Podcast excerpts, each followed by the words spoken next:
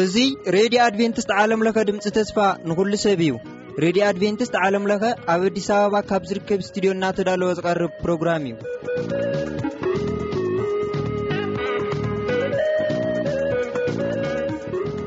ኣብ ርሑቕን ቀረባን መደባትና ንምድማፅ ኣብ መስመርና ትርከቡ ተኸታተልቲ መደብና ብቐዳምነት ፀዓዘዘ መንፈሳዊ ሰላምታ ኣብ ዘለኹምዎ ይብፃሕኩም ንብል ካብዚ ካብ ስቱድዮና። ብምቕፃል ንሎሚ ዝህልወና መደብ። መደብ ክፍለጥ ዘለዎ እዩ። ምሳና ፅንሑ ሰናይ ምክትታል።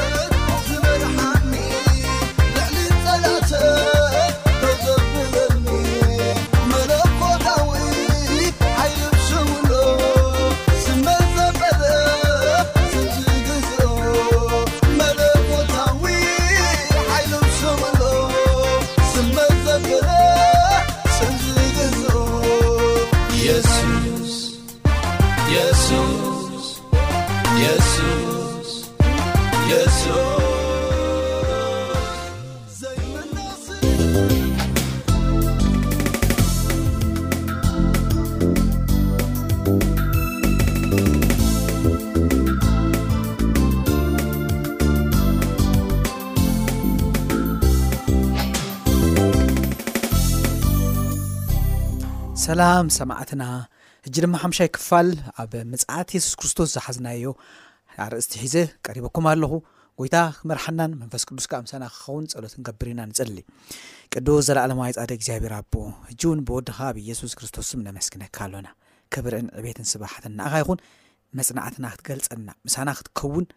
ንልምነካን ንዕድመካን ኣሎና ምሳና ኹን ኣይትፈለየና ብሽም የሱስ ኣሜን ሰማዕትና እምበኣር ኣብ ዝሓለፈ ክንጽንዕ ከሎና ዝረኣናዮም ኣብተን ተኸታተልቲ ኣርባዕተ ብዛዕባ መጻት የሱስ ክርስቶስ ንጽናዕ ኣለና ኣብ ዝሓለፈ ድማ የሱስ ክርስቶስ እተን ተዛረበን ፍጻሜታት ኩለን ከም ተፈጸማ የሱስ ካልኣይ ብኽብሪ ብደበና ምምጻእ ተሪፎ ከም ዘሎ ኣብቲ ምልክታት ምምጻእ ወዲ ሰብ ርኢናዮ ነርና ሎሚ እውን ከምኡ ተመሳሳሊ ምልክታት ምቕራብ ወዲ ሰብ ዘርእዩና ሓደ ሓደ ሓሳባት ወሲኽና ክንርኢ ኢና ከመይ ጌርና ኣብቲ ናይ መወዳእታ ናይ ዓለም ታሪክ በፂሕና ከም ዘሎና ክንፈልጥ ክንምሃር ኢና ሎሚ መፅሓፍ ቅዱስ ነዚ ንፁር ነዛ ዘላ ዓለምን ነቶም ኣብ መወዳእታ ወለዶ ዘለዉ ህዝባን ነበርታን ይገልጾም ከም ዝኾነ ከኣ ክንርእዮ ኢና። እዚኣ ኣስፍሕ ኣቢልና ክንርእያ ኢና። ከመይ ጌርና ኢና እምበኣር ኣብቲ ናይ መወዳእታ ናይ ዓለም ታሪኽ በጺሕና ከም ዘሎና እንፈልጥን እንርዳእን ከምኡ ድማ መጽሓፍ ቅዱስ ብንጹር ነዛ ዘላ ዓለምን ነቶም ኣብ መወዳእታ ዘለዉ ህዝብን ዝገልጾም እዛ መሬት እዛ ምድሪ እዛ ህዝቢ እዚ ከመይ ይኸውን ዝብል ክንርኢ ኢና። መጽሓፍ ቅዱስ ብዛዕባ እዚ ይነግረና እዩ። ነዞም ዝስዕቡ ኣብ መወዳእታ መዓልትታት ዝኾኑ ምልክታት ክንዕዘብ ጥራሕ እዩ ዝግባኣና ስን ድማ ኣብዚ መፅሓፍ ቅዱስ ተፃሒፎም ንዘለዉ ፍፃሜታት ማለት እዩ ኣሕዋተ ስለዚ ኣብዚ ነዚ ክንርድኦ ይግባኣና እዩ ኣብ መፅሓፍ ቅዱስና ንኣብነት ኣብ ያቆብ ምዕራፍ 548 ዘሉ ከነንብቦ ኢና ብጥቕሲ እንዳንበብና ክንከይድ ከለና ኣዝና ክንግረም ኢና እዚኣቶም ውሑዳት ካብ ብዙሓት ተጠቒሶም ዘለዉ እዮም ብዙሕ እወታዊ ናይ ዓለም መወዳእታ ታሪክ ከም ዝቀረበ ዝሕብሩ ዘርእዩ ብዙሕ ነገራት ኣለዉ ፅውፅዋይ ኣይኮነን ኣሕዋት ድራማ እናተሰርሐ ኣይኮነን የሱስ እው እቲ ኩሉ ዝኽእል ዳግም ብክብሪ ክመፅእ ምኳኑ ክንርኢ ኢና ኣብዚ ትምህርቲ ደጊመ ዝዛረቦ ከመይ ጌርና እዛ ዓለም እዚኣ መወዳእታኣ በፂሑ ከም ዘሎ ታሪኻ ክዕፆ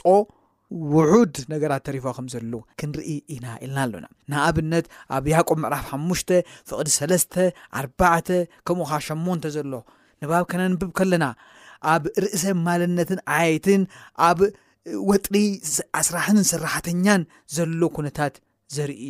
ክንርኢ ኢና ኣብ መንጎ ኣስራሒን ሰራሕተኛን ዘሎ ሽግር ጭንቀት ባእሲ ሁከት እንሆ ውዕለትቶም ግርሆኹም ዝዓጸዱ ዓየይቲ ይብል ንስኻትኩም ከኣ ዝገደብኩሞም የእዊ ኣሎ ኢሉ ኣውያት እቶም ዓጸዶውን ዓጻዶውን ኣብ እዝኒ እግዚኣብሔር ጸባኦት በጺሑ ኣሎ ምጽኣት ጐይታ ቀረባ እዩ እሞ ተዓገሱ ኢሉ ድማ ይዘዝም። እዚ ጽሑፍ እዚ ኣብዚ ምዕራፍ ከነንብብ ከለና ኣብቲ መወዳእታ ዘመን ክኸውን ከም ዝኾነ እዚ ነገር እዚ ዝዛረብ ሓሳብ ኣለዎ ኣብ መወዳእታ እውን ከምዚ ዘንበብናዮ ምጽኣት ጎይታ ቀረባ እዩ እሞ ተዓገሱ ይብል ኣሎ ኣሕዋተ ጎይታናን መድሓንናን ኢየሱስ ክርስቶስ ክመጽእ ቀሪቡ እዩ ምጽኣት ጎይታ ኣዝዩ ቀሪቡ እዩ ግን ከኣ ይብል ኣሎ ተዓገሱ ኣቱም ኣሕዋት ተዓገሱ ይብል ኣሎ ቃል እግዚኣብሔር ኣምላክ እሞ ሽግራት ናይ ርእሰ ማልነት ዓየትን ናይ መወዳእታ መዓልቲ ምልክት ከም ዝኸውን ተገሚቱ ተራእዩን ኣሎ ናብዚ ፍፃሚኡ ኸዓ ከመይን እንታይን ይኸውን ከም ዘሎ ኣብ ከባቢና ዘሎ ነገራት ክንርኢ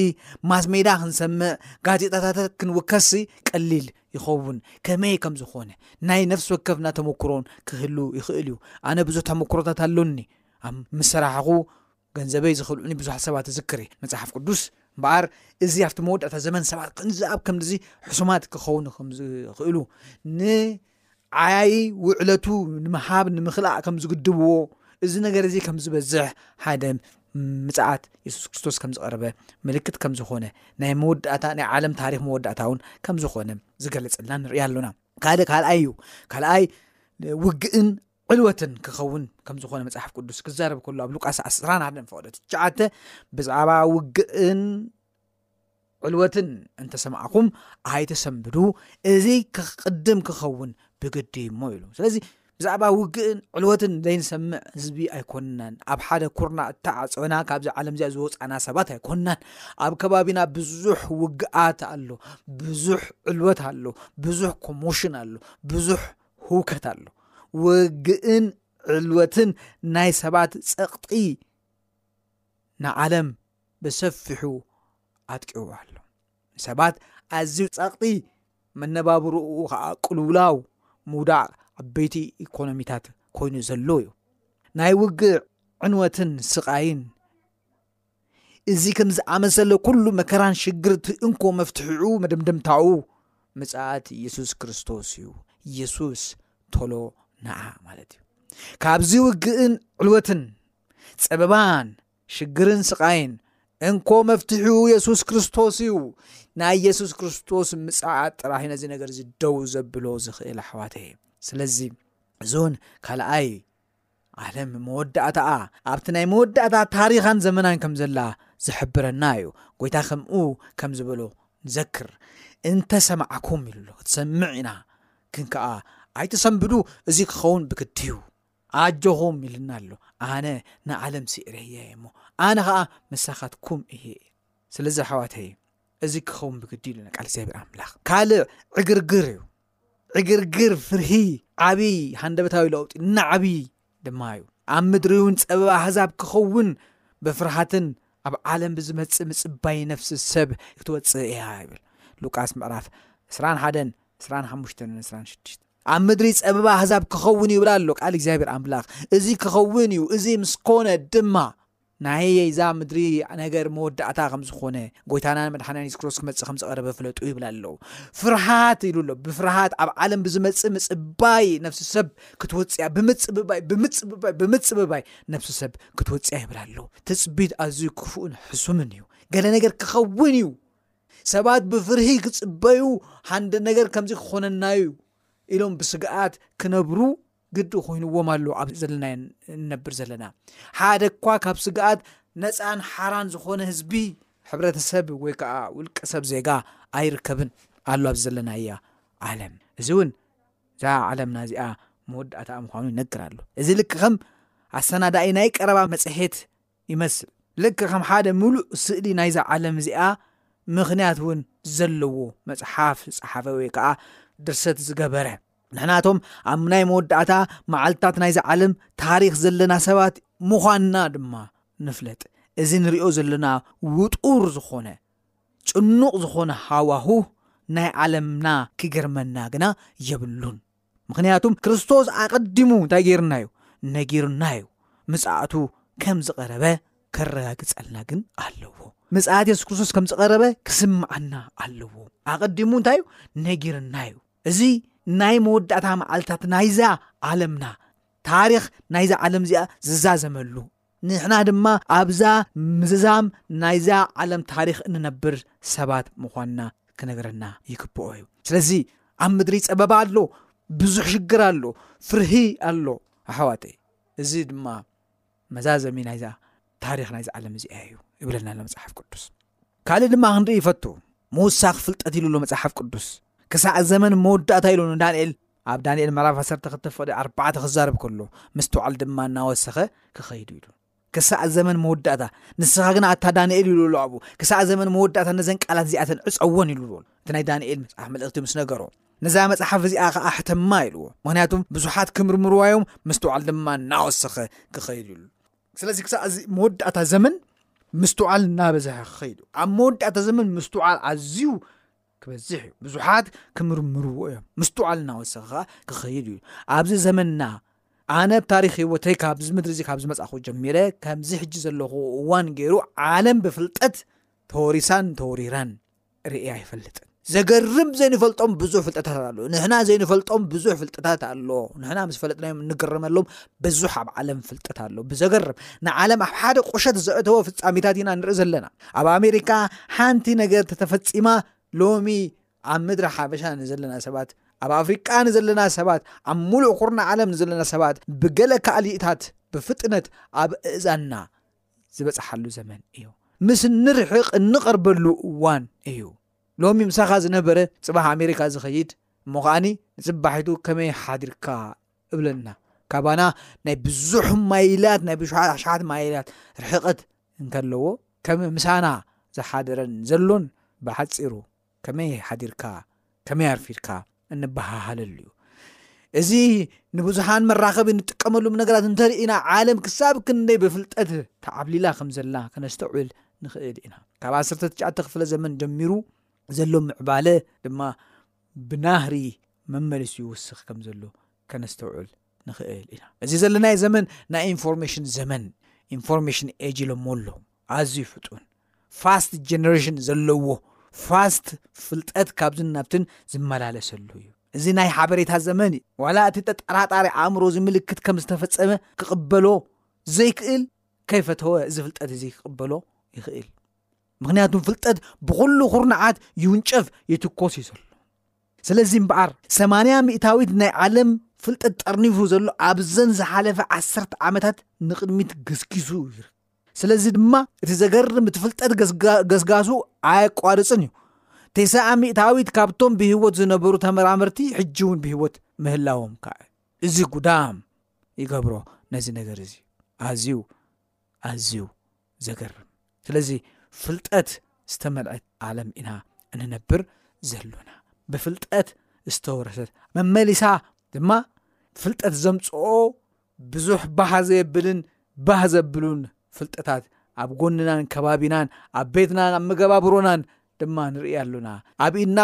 ቴክኖሎጂ ዝፈጠሮም ብዙሕ ነገራት ኣሎ ብዙሕ ናይ ሓንጎል ፍልጠት ዝፈሰሰሎም ስራሓት ኣብ እዳውና ኣብ ቤትና ኣብ ቤት ፅሕፈትና ኣብ መገድና በተን ንጓዓዘለን ዘለና ኩሉ ንርኢ ኢና ስለዚ እዚ ክኸውን ከሎ ናይዛ ምድሪ መወዳእታ ታሪኽ ምዃኑ መጽሓፍ ቅዱስ ክንፈልጥ ነጊርና ኣሎ ካልእ መላገጽትን ናይ ሃይማኖት ተጠራጠርትን ካብ ሓቅነት መጽሓፍ ቅዱስ ዘግልሱ ምብዛሕ ምምጻእ ምቕልቃል ድማ መጽሓፍ ቅዱስ ተዛሪቡሉ መላገጽቲ ብዙሓት እዮም ሎሚ ኮሜዲ ተባሂሉ ኣብ መድረኽ ሰብ ተኣኪቡ ብቆሎ ጥጥቆን ሕሱር ዘረባታትን ክስሕቕ ዝውዕል ብዙሕ እዩ ኣብ ናይ ሃይማኖት ምጥርጣር ዘለዉ ሓቲ ሃይማኖት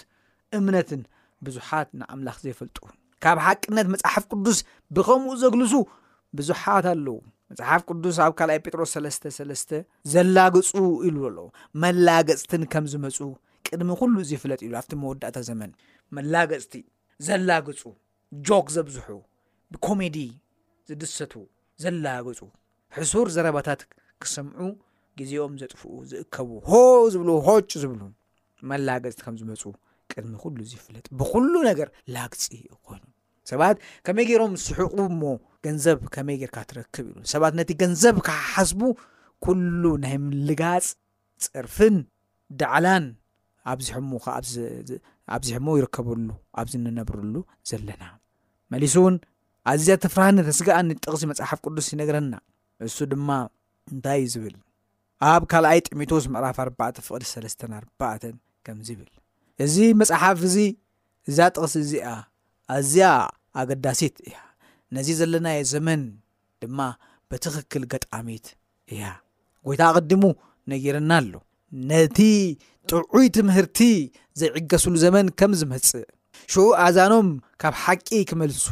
ናብ ጽውጽዋያት እውን ክምለስ እዮም መጽሓፍ ቅዱስ ነዚ ሓሳብ እዚ ብትኽክል ይዛረቡ እዩ ምክንያቱም ካብዚ ብዙሓት ሰባት ክርሕቁ ምዃኖም ካብ ሓቂ ክርሕቁ ምዃኖም ነቲ ጥዑይ ትምህርቲ ኢልዎ ዘሎ መፅሓፍ ቅዱስ ኣብዚ እሱ እቲ ሓቂ እዩ ስለዚ ነዚ ሓቂ እዚ ሰባት እንታይ ክገብርዎ እዮም ኣይክቕበልዎን ኣይፈትውዎን እዮም ክርሕቑ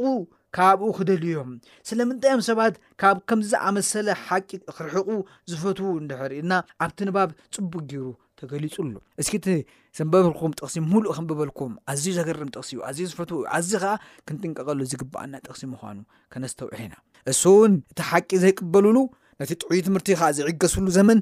ምኽንያት እንታይ እዩ? ኣእዛኖም ዘሳሒ ስለ ዝኾነ እዩ። ንእዛኖም ባህ ዘብል ክሰምዕዎ ዝመርጽዎ ደስ ዘይብሎም ስለ ዝኾነ እዩ። ኣእዛኖም ኣስሒዎም ደኣ በትምኒት ርእሶም መማህራን ክዕክቡ እምበር ነቲ ጥዑይ ትምህርቲ ዝዕገሱሉ ዘመን ክመጽእ እዩ። ሽኡ ኣእዛኖም ካብ ሓቂ ክመልሱ ናብ ጽብጽዋያት እውን ክምለሱ እዮም እሞ ኢሉ ኣሎ። ስለዚ ካብ ሓቂ ካብቲ ጥዑይ ትምህርቲ ነቲ ጽብጽዋይ ክመርጹ እዮም። ብኹሉ ዓቕልን ብምህሮን እቲ ቃል ክትሰብኽ፣ ብግዜኡን ብዘይግዜኡን ከተስምዕ፣ ክትገንሕ፣ ክትቀጽዕ፣ ክትምዕድ፣ ኣብ ቅድሚ ኣምላኽን ኣብ ቅድሚትን ህያዋን ሙታን ክፈርድ ዘለዎ ክርስቶስ የሱስን በቲ ምግላጽ መንግስቱን እምሓጽነካ ኣለኹ ይብል ቃል እግዚኣብሔር ኣምላኽ። ኣሕዋተየ ኣብዚ ዘለናዮ ግዜ ነዚ ትንቢት ክፍጸም መላገጽቲ ክትረክብ ብርቱዕ ኣይኮነን ቀሊል እዩ ሃይማኖታዊ መራሕቲ እውን ከይተረፉ ነቲ ናይ ሓቂ መጽሓፍ ቅዱስ ትምህርትታት ብዛዕባ ኣፈጣጥራ ሰብ ክኸውን ይኽእል ዕልቕልቕ ማይ ብዛዕባ መለኮት ብዛዕባ ማይ ኣሂ ናይ ክርስቶስ ካልኣይ ምጽኣት ክርስቶስ ካልእ ብዙሕ ቀንዲ ናይ መጽሓፍ ቅዱስ ሓቅታት ፈትዮም ይነጽግዎ የላግጹሉ ብምልግጫ ኸኣ ይሰብክዎ ንርእዮም ኣሎና ካብቲ ትኹል ቃል ሓቂ ብኮሜዲ ወንጌል ከቕርቡ ብዘስሕቕ መገዲ ንሰባት ብምጽራፍ ብምልጋጽ ነቲ ቃል ሓቂ ከቕርብዎ ይፍትኑ ይረኣዩ ኣለና ኣብ ዝተፈላለየ ቦታ ንሰምዕ ኢና ብዙሓት ሰባት መስሓቅ ፓስተር ተባሂሎም ዝፍተው ኣለዉ እቲ ዝዛረቡ ትኹል ቃል ሓቂ ስለ ዘይብሎም ንሰባት ዝሕዝሉ መገዲ ላቅፅን ጆክን እዩ ዳዕላን እዩ ኮሜዲ እዩ ግን ቃል እግዚኣብሔር ኣምላኽ ከምኡ ኣይኮነን ቃሉ ሓቂ እዩ ቃልካ ሓቂ እዩ ነባሪ ድማ እዩ ዘለዓለማዊ እዩ ቃልካ ሓቂ እዩ በቲ ቃልካ ቀድሶም ተባሂሉ ንሓደ እኳ ናብ ቅድስና ክብፅሕ ዘይክእል ናብ ሕስረትን ጥልመትን ዘብፅሕ ዳዕላ ብመፅሓፍ ቅዱሳዊ ኣገባብ ወይ ትምህርቲ መፅሓፍ ቅዱስ ኣምሲልካ ኣብ ቤተ ክርስትያን ይወሃብ ናይ ሃይማኖት ጠራጠርቲ ዝበዝሕሉ ምክንያት ድማ እዚ ስለ ዝበዝሐ እዩ ስነኣእምሮኣዊ ናይ ልምዳዊ ያታዊ ናይ ሓሶት ሓሰውቲ በላሕቲ ምሑራት እውን ከይተረፉ ኣብ ብዙሓት ሃይማኖታዊ ክፍልታት መጽሓፍ ቅዱስ ብናቶም መገዲ ተኪኦሞ እዮም ብሳይኮሎጂ ካል መጽሓፍ ቅዱስ በቲ ተምሃሮ ትምህርቲ ክፈትሕዎ ዝፍትኑ ንሰባት ባህ ዘብል ሰባት ዝፈትዎ ስብከት ዝሰብኩ ብዙሓት እዮም ኣሕዋት ንኣዘራርባ ክእለት ዝጥቀሙ ኣሰዃዃኣ ቃላት ግን ከኣ ካብ ሓቂ ዝረሓቀ ንሰማዓይኡ ባህ ዘብል ስብከት ንሰማዓይኡ ባህ ዘብል ጥራሕ ንእዝኒ ባህ ዘብል ግን መሰረት ዘይብሉ መጽሓፍ ቅዱሳዊ ዘይኮነ ስብከትን ማዕዳን ዝህቡ ብዙሓት መላገጽቲ መማህራን ኣለዉ እዚኦም መማህራን ሓሶት ተባሂሎም ድማ ይፍለጡ እዮም። ከም ዝበልናዮ መላገፂ ሰባት ንክትረክብ እዚ ትንቢት ምእንቲ ክፍፀም ኢልካ ብዙሕ ቦታ ምኻድ ኣድልን እዩ ኣድልን እዩ ሓዋተ ዓለማውያን መምሃራን ንመንእሰያት ናይ መፅሓፍ ቅዱስ ብዛዕባ ዓበይቲ ሓቅታት ዝገልፁ ሰነዳት ገንፂሎም ከላግፁ መላገፅቲ ኮይኖም ክዓብዩ ይምህርዎም እዮም ኣብ ክንዲ ነቲ ንፁሩን ቀልልን ሓቀኛን ትኹል ቃል ሓቅን ቅዱስ ቃልን ኣምላኽ ሰብ ዝሰርሖ ናይ ሓሶት ትምህርቲ ከም ዝቕበሉ ይደፋፍእዎም ይገብርዎም ኣሎ እሳቶም ብዛዕባ ዝረኽብዎ ገንዘብ ሃብትን ክብረትን ናእዳን ጥራሕ ብምሕሳብ ንብዙሓት ሰብ ዝሰርሖ ናይ ሓሶት ትምህርቲ ብምሃብ የስድዕዎም የታልልዎም ኣሎ። ናይ ቀረባ ምስክር ብዙሕ ከምጽእ ክጠቅስ ይግብኣኒ ይኽእል ነይረ የሕዋተየ ግናኸ ንማንም ሰብ እዚ ነገር እዚ ኣብ ቅድሚ ኣይኑ ጋህ ዝበለን ቅሉዕ እዩ። እዚ ኩሉ ናይዛ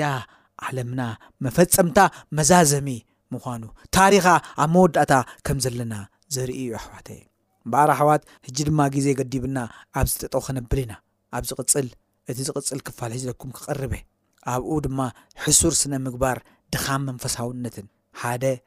እዛ ምድርና እዚኣ ናይ መወዳእታ ታሪኻ ከም ዝኾነ ዘርኢ ምልክት ከም ዝኾነ ከነዘራርብን ከነጽንን ኢና ክሳብ ሽዑ እግዚኣብሔር ምስ ኩላህና ይኹን ኣምላኽ ይባርኩም ክርስቶስ ዳግም ብክብሪ ክምለስ እዩ ኣሜን